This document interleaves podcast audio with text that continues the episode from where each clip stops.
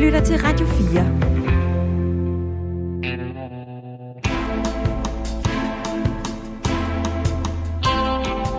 Der er mange ting i den her historie, som også kan lyde lidt mærkelige.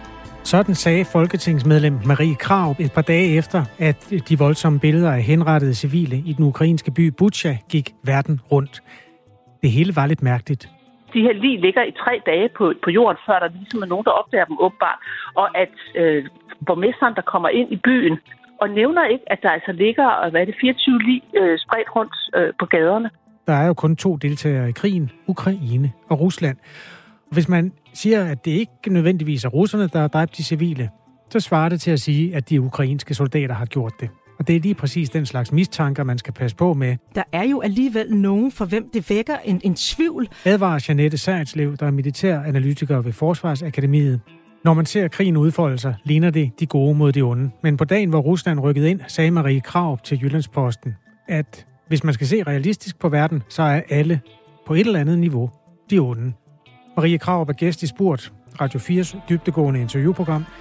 Jeg hedder Kasper Harbo.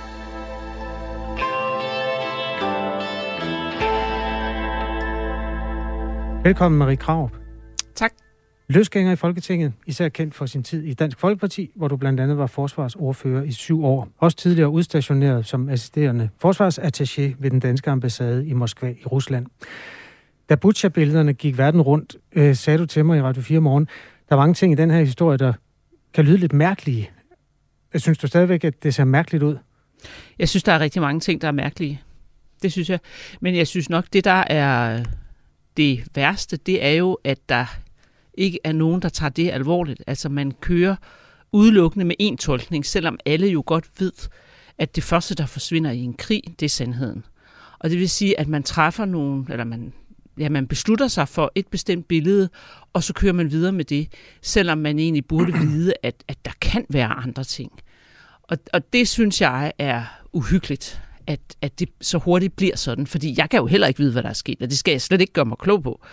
Men øh, der er så nogen, der er helt overbevist om, at de ved præcis, hvad der er sket, og så træffer de nogle beslutninger på baggrund af det. Og der synes jeg, at man burde forsøge at øh, trække vejret og holde hovedet lidt mere koldt, og så se, øh, Øhm, om man kan opklare tingene, før man fælder dommen. Fordi det er jo det, man normalt gør. Altså man vil jo ikke med det samme sige, at når der sker en eller anden form for kriminalitet, og man har en formodning om, hvem det er, at så er vedkommende sådan, og så sætter man øh, straffen ind med det samme.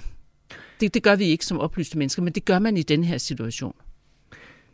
Vi skal jo sige, at der er jo et eller andet stykke opklaringsarbejde, som der er efter krigsforbrydelser, men det tager lang tid. Der er to parter i den her krig, og dermed er der to parter, der kan have begået de her drab, som er flere hundrede civile, som det ser ud nu i Butcha og mange andre steder. Hvis vi nu holder den fast på Butcha, øh, bare lige den, den forbrydelse, der er sket der.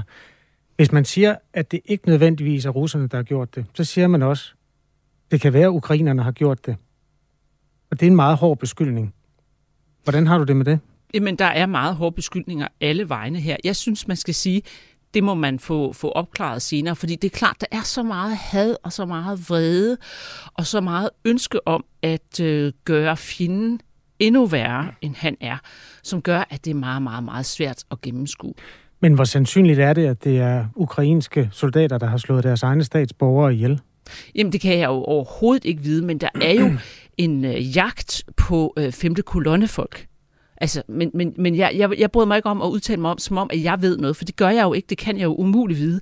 Jeg synes bare, at det er betænkeligt, at man på mange hundrede kilometers afstand træffer en fuldstændig fast beslutning om, hvad det er, der er sket, og så siger, at nu skal det straffes. Rusland har jo ikke talt super meget sandt i løbet af de sidste seks uger. Blandt andet sagde man, at der ikke vil ske en invasion i Ukraine. Hvordan vurderer du Ruslands troværdighed, når Rusland siger, at øh, der ikke er nogen øh, russiske soldater, der er indblandet i det, der ligner en massakre på civile? Øh, jamen, altså, jeg tror ikke på nogen, når det drejer sig om det her. Altså, det synes jeg ikke, man skal gøre. Jeg synes, man skal sige, hvis man vil fælde en dom over det, der er sket i Butcha, så skal det undersøges. Øh, fordi jeg tror ikke øh, på nogen, som sagt, i en krig. Det, det synes jeg, man øh, skal lade være med. Jo større, eller jo højere bølgerne går, desto færre nuancer er der plads til. Og øhm, spørgsmålet er, om der er plads til nuancer, i, når man diskuterer noget så øh, voldsomt som det her. Jeg har lige et citat, du skal høre. Det er Jeanette Særetslev, der er militæranalytiker ved Forsvarsakademiet. Hun er ekspert i informationskrig. Rusland kan nøjes med, om man så må sige, med at skabe tvivl og skabe splittelse og kaste en masse forskellige forklaringer ud, som bare gør, at folk bliver i tvivl. Det kommer til udtryk, når vi hører, om det er Lavrov, eller når, altså den russiske udenrigsminister, eller når det er Peskov, der står og siger, jamen det, der skete i, øh, i Butcha, det, øh, det er slet ikke rigtigt, det er bare iscenesat af ukrainerne. Så vil de fleste af os naturligt nok tænke, at det er løgn, men øh, men der er jo alligevel nogen, for hvem det vækker en, en tvivl, øh, og, og det kan man jo også se, når man ser på danske sociale medier og ser kommentarsporene, at de får noget ud af at skabe den splid øh, om, hvad der kan være rigtigt. Og det er noget, der er en del af, af den russiske drejebog. Hvad siger du til det, Marie Krav? Altså, det er en del af den russiske drejebog at sprede misinformation i bred forstand. Jamen, det er da klart. Altså, det er det jo for alle sider. Det er altid det, man ønsker. Man, man ønsker at overbevise alle om, at man selv er god, og de andre er onde. Og det er jo det, som vi, som står udenfor, på en eller anden måde skal prøve at gennemskue, fordi vores interesse er jo, at denne her krig, den stopper, og at den ikke eskalerer. Og den eskalerer, hvis vi involverer os voldsomt på den ene side, og det er det, jeg synes, vi har gjort, og det er det, jeg synes er, øh, er rigtig farligt.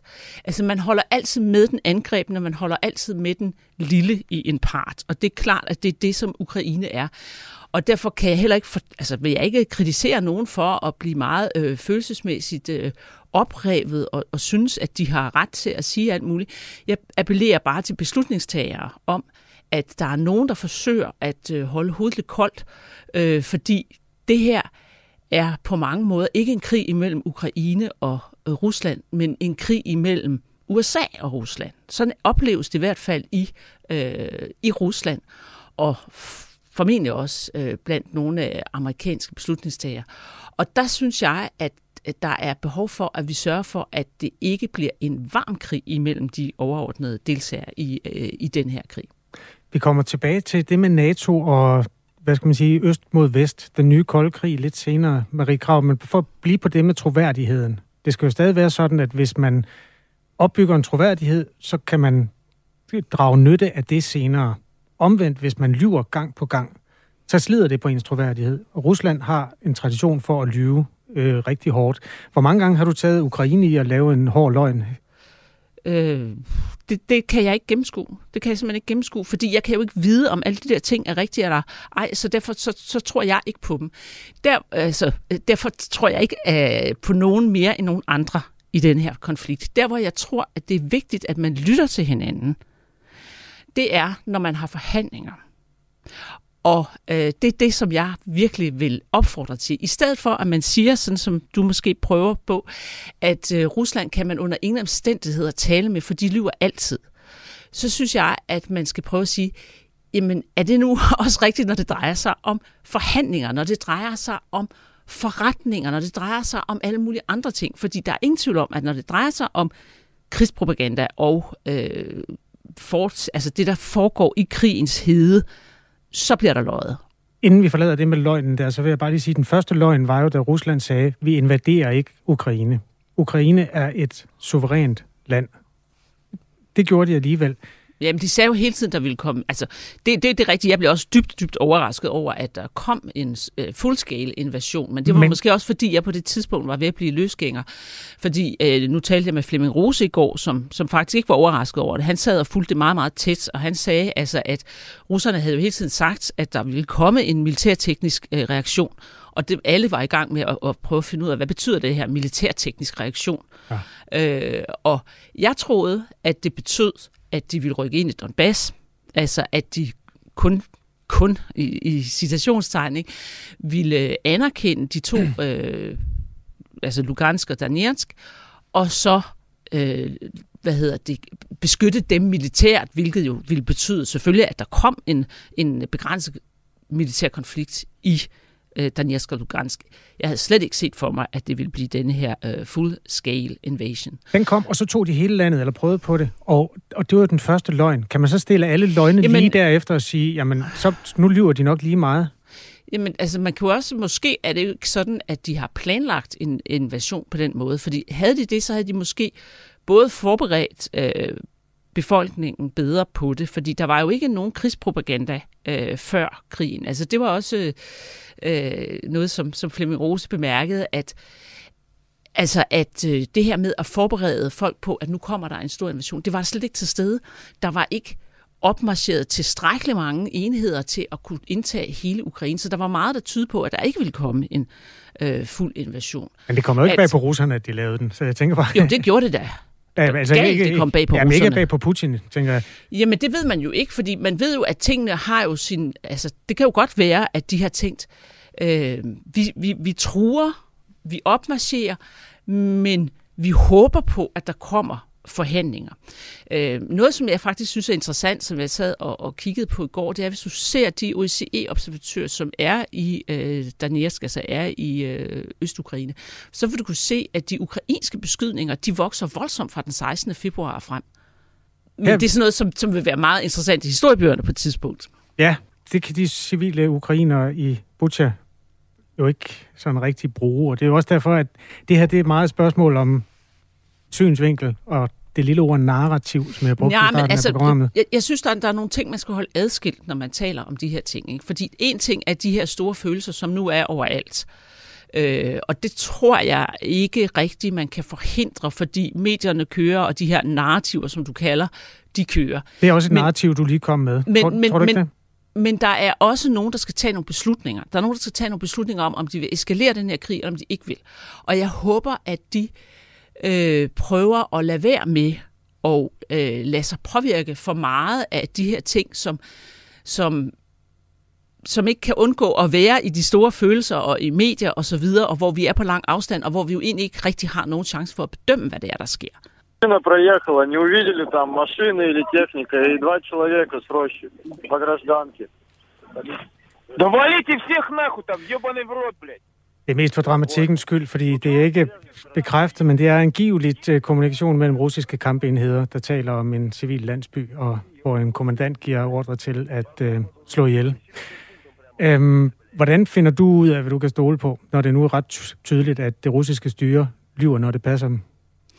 Jamen altså, jeg stoler ikke på nogen, når det drejer sig om krig. Gæst i dag i Spurt er Marie Kraup, løsgænger i Folketinget. Vi taler om narrativer, altså måder at anskue konflikten i Ukraine på. Ukraine var en del af Sovjetunionen og nær allieret med Rusland i mange år. For otte år siden sprækkede samarbejdet, da det stod klart, at de fleste i parlamentet i Kiev eh, heller ville være en del af EU. Mens demonstranterne fortrængte den russisk venlige præsident, gik eh, Ruslands her ind i Donbass-regionen og på halvøen Krim, som kort efter blev erklæret russisk. Du må gerne afbryde lidt Ja, senere. fordi det, det, er jo, det, det er jo lige præcis et narrativ, det der. Ikke? Mm. Det kommer vi til.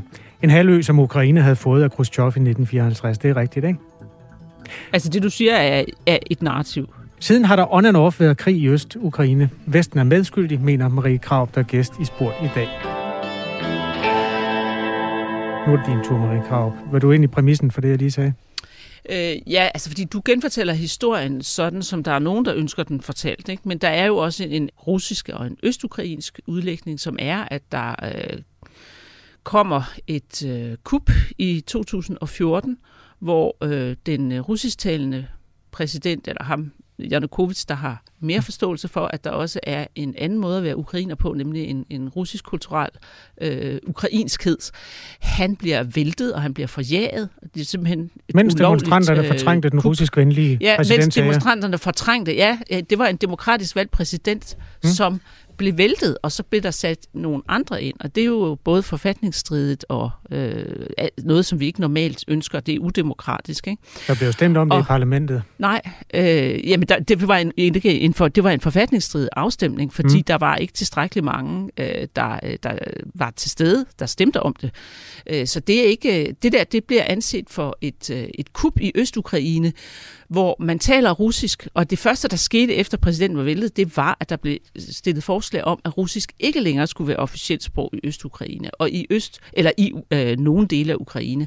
Og i Østukraine taler man russisk, og derfor blev man meget, meget vred i Østukraine og på Krim. Og der kom nogle anti-Majdan-demonstrationer. Og øh, i Donetsk og Lugansk var de øh, altså øh, russerne gik jo så ind og øh, annekterede Krim, lavede den her folkeafstemning, og så blev Krim russisk. Den er også og, erklæret ugyldig af mange øh, og, instanser. Ja, og, og så i øh, Øst-Ukraine, der øh, ville øh, Kiev så slå det ned, så der satte man militæret ind. Og så havde man en krig, en borgerkrig. Og der får man så en vestlig indblanding på den måde, at russerne støtter østukrainerne, og vi i Vesten støtter Kiev. Og den øh, borgerkrig har så været i gang i otte år, og der er 14.000 mennesker, der er døde. Og øh, der har været forskellige øh, øh, fredsforhandlinger, fordi der har været to gange, hvor øh, ukrainerne har været så trængt, at de har gået med til øh, forhandlinger. Og øh, der har man så lavet nogle, der hedder Minsk-aftalerne. Og øh, Minsk 2 blev indgået i, i februar 2015. Og det er sådan set den aftale, som hele konflikten drejer sig om i, øh, i Ukraine i dag. Øhm, og det er en aftale, undskyld, som er indgået mellem Kiev og øh, oprørerne i Donetsk og Lugansk, og som er blevet øh, ratificeret eller blevet indgået med øh, stormagterne som en form for garanter, og som blevet øh, ratificeret i FN, så den har en meget, sådan, den, den, den vejer ret tungt. Men det er også en aftale, som er blevet indgået på et tidspunkt, hvor Ukraine var meget trængt på kamppladsen, så derfor synes de, de var nødt til at indgå den, men de synes også, at den er meget russisk orienteret. Det, der er jo helt vildt interessant, det er jo, at øh, Zelensky, han bliver valgt som præsident i øh, foråret 2019. Og der er hans program, det er at opfylde menneskeaftalen. Det er at få fred, fordi Ukraine er, eller ukrainerne, de er jo ved at altså signe under det her med, at der er den her øh, borgerkrig, lavintensiv borgerkrig i Øst, og der er så stor fattigdom, og man kan ligesom ikke samle sig om noget. Så de ønsker i den grad at få fred, og han får jo et kæmpe valg. Jeg var derovre som observatør, og det var var meget, meget interessant at se. Han får et enormt valg med, med 72 procent af stemmer. Der er ikke nogen ukrainske præsidenter, der nogensinde har fået så, så stort et valg. Og øhm, så vil han opfylde den her menneskeaftale, men der sker jo så det, at han bliver forhindret i det, fordi øh, der er partier i øh, parlamentet, der ikke vil, og han bliver angrebet af øh, hvad hedder det, meget øh, yderliggående nationalister, der siger, at det må du ikke, det er landsforræderi, hvis du gør det. Og så bliver den ikke opfyldt. Så får man ikke den øh, fredsaftale igennem, mm. og altså Zelensky øh, må indse, at hvis han skal gøre det der, så, øh, ja, så, så, så, er der, så udsætter han sig selv for stor fare. Så, så det bliver ikke til noget. Og det er jo det, der ligesom er sagens kerne. Ikke? Det er jo også den aftale, som russerne bliver ved med at sige, Men Marie Krav, er vigtig. nu øh, gik du ind i mit, min mellemspeak og sagde, at det var et narrativ. Det, du lige har sagt, det er det russiske narrativ. Altså, Meget af det er, ja. ja. Og der er det jo så, man skal prøve at sætte sig ned og prøve at finde ud af, hvad er det, der er rigtigt, og hvad er det, der er forkert her. Hvor er det, du siger, at russernes narrativ ikke er 100% rigtigt? Der kan være svage punkter ved det, ved hvor, hvor stærkt, altså hvad det er, der sker i Øst-Ukraine, hvor stor indflydelse er det, Rusland har, hvor meget har de ønsket at skabe øh, en konflikt. Mm. Altså, der er masser af svage punkter, og der, der hvor jeg synes, man skal øh, tage det seriøst, øh, det er de aftaler, der er indgået. Der er indgået den her øh, Minsk-aftale, og den har stormagterne accepteret. FN har underskrevet den. Så må man på en eller anden måde prøve Altså på et eller andet tidspunkt har den været spiselig. Så var man på en eller anden måde prøve at finde en måde at få denne her borgerkrig i Østukraine bilagt.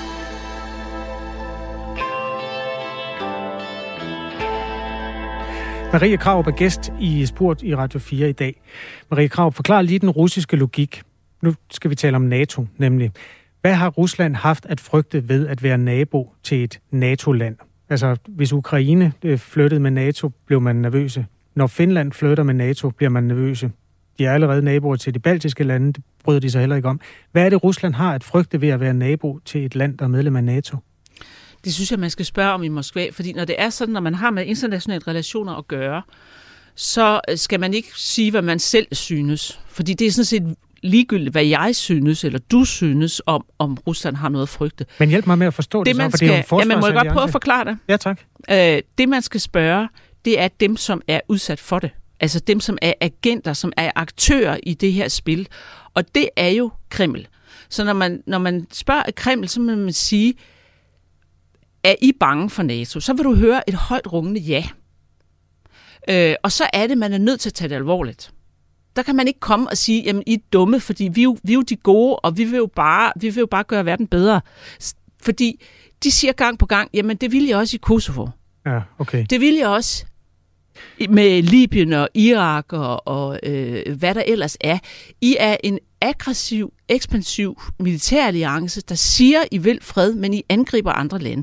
Det er det, de siger i Kreml. Og om det så er, om du synes, det er rigtigt eller forkert, eller jeg synes, det er rigtigt eller forkert, det kan man sådan set lægge på is, og så må bare sige, de er aktører i det her spil. Men trumfer det den frygt, folk føler i Finland, som jo det har ikke noget med at trumfe at gøre, fordi det er intet med det at gøre. Det, det har at gøre med, det er, at der er nogle aktører, som siger, at de er bange, og de ønsker en form for forhandling for at komme væk fra det.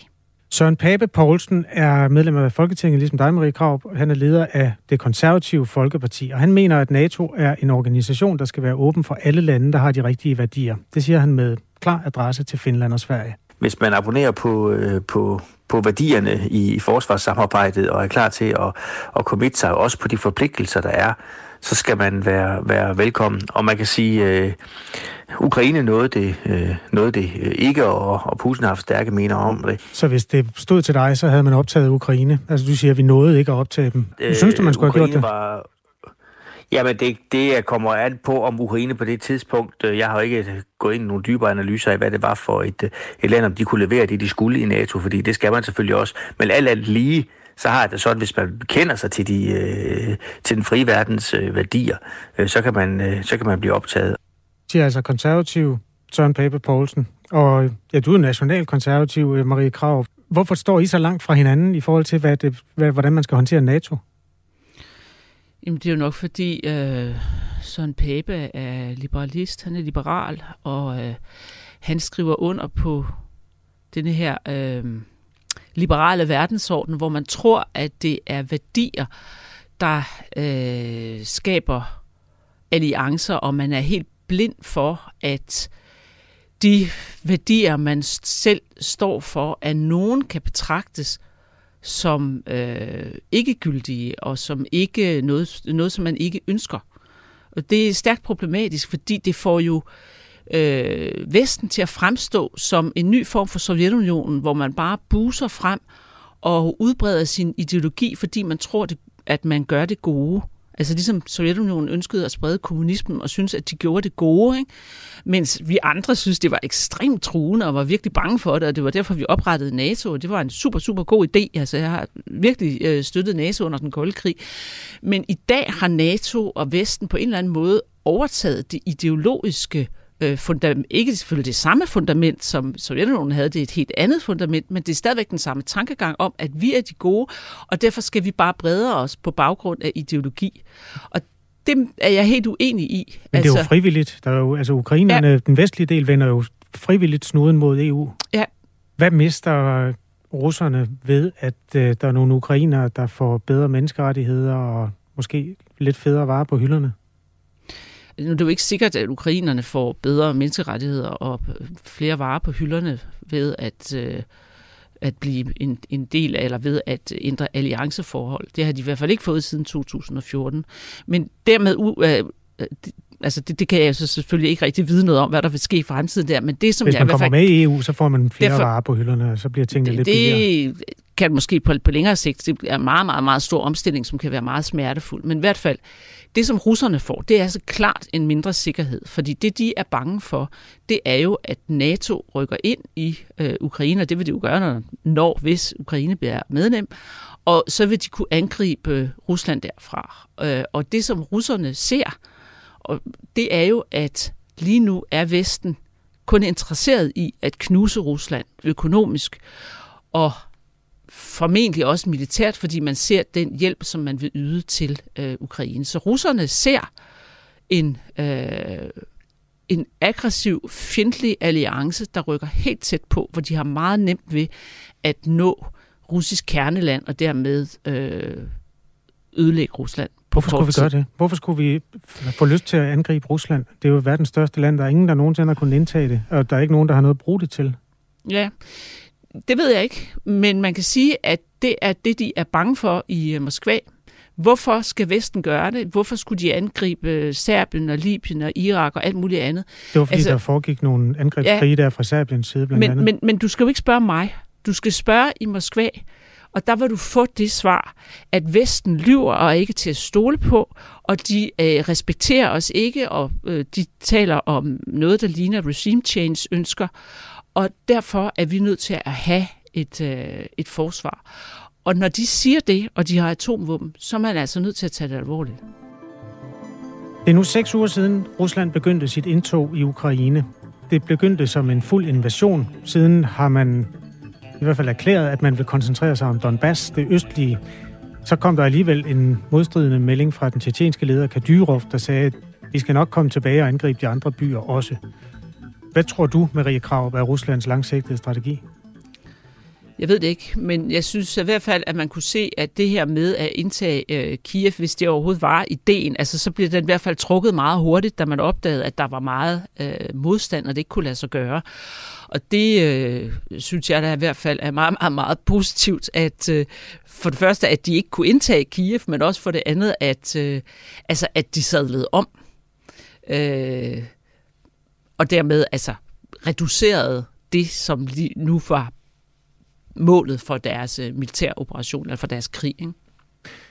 Vi hører russiske krav om selvstændighed til de to provinser der, som erklærede sig uafhængige for et par måneder siden, Lugansk og Donetsk. Og så skal man anerkende, at øh, Krim er russisk. Det er de russiske krav. Ukraine siger nej til det hele. Og neutralitet, øh, ukrainsk Ja, neutralitet. meget vigtigt. Det er du ret i. Hvad vil være en løsning, alle kan leve med? Findes det overhovedet? Jamen altså, det kommer jo meget an på, hvordan øh, Vesten stiller sig. Ikke? Altså, øh, altså, jeg synes jo, at den her krig er helt unødvendig, fordi hvis nu Vesten havde sagt, ja, vi vil forsøge at få Ukraine til at opfylde Minsk-aftalen, så tror jeg ikke, der var kommet den her krig. Øh, hvis Vesten havde sagt, øh, Ukraine bliver ikke medlem af NATO, men vi ønsker, at Ukraine skal være et selvstændigt land, så det vil vi ikke finde os i, at det på nogen måde bliver anfægtet. Øh, så tror jeg ikke, at der var kommet den her krig. Ukraine er en selvstændig nation. Hvilke perspektiver er der overhovedet i det liv som selvstændig nation, hvis man altid skal gøre, hvad Rusland siger? Men det tror jeg heller ikke, de behøver. Altså, jeg tror, at jeg tror øh, sagtens, at man kan, øh, altså, at Ukraine kan blive et blomstrende, rigt, demokratisk øh, land, øh, hvis de ønsker det, øh, hvis de går efter neutralitet. Jeg vil sige, hvis de ikke gør det, altså, så, så, så tror jeg, det er, det er meget op ad bakke. Og hvis der sker det, som der til synligheden sker nu, at øh, man bliver ved med at presse Ukraine til at øh, kæmpe videre, Hvem gør det? så det gør Vesten, fordi man bliver ved med at sige, at man under ingen omstændigheder vil øh, støtte dem i en øh, neutralitet. Øh, der kom jo en erklæring om, at man gerne ville være neutral fra øh, Ukraine, men den skal støttes op af vestlige stormagter, ellers så tror jeg ikke, at man øh, rigtig kan, kan stole på den. Hvis man tolker NATO som en ekspansiv magt, så er man i, i den sammenhæng i stand til at se tingene med russernes øjne. Altså har du på noget tidspunkt overvejet at skrue lidt på at se det mere med ukrainernes øjne og se øh, Rusland som en ekspansiv magt, der vil vinde land? Det, der er vigtigt her, det er, at man forsøger at handle rationelt i en konflikt, som har et kæmpe potentiale til at eskalere. Og hvis man sætter den ene part, eller den anden part, i en situation, hvor man føler, man har ryggen mod muren, og hvor man ikke kan andet end tabe, så risikerer man nogle helt vilde beslutninger. Og det er det, man risikerer med hensyn til, øh, til Rusland. Hvis ikke, eller hvis, hvis NATO bliver ved med at sige, jamen altså, vi bliver ved med at støtte Ukraine. Øh, der ville det være klogere at forsøge at komme ind og sige, altså, vi ønsker, at Ukraine er neutralt, sådan at de får lov til selvfølgelig at beholde deres selvstændighed og blive demokratiske og vestlige og alt, hvad de vil. De skal bare ikke være medlem af NATO. Så tror jeg, at vi kunne, øh, kunne afslutte den her øh, konflikt. Så i stedet for at lade sig suge ind i de her forskellige narrativer, så synes jeg, man skal prøve at stille sig lidt udenfor, og så sige, hvordan kan vi slutte det her? Det sagde Marie Krav, som har været gæst i Sport i dag. Jeg hedder Kasper Harbo, og jeg vil sige tak, fordi du har brugt tid på at øh, lytte til det her radioprogram. Du kan komme med ris, ros og forslag på sportsnablag radio4.dk.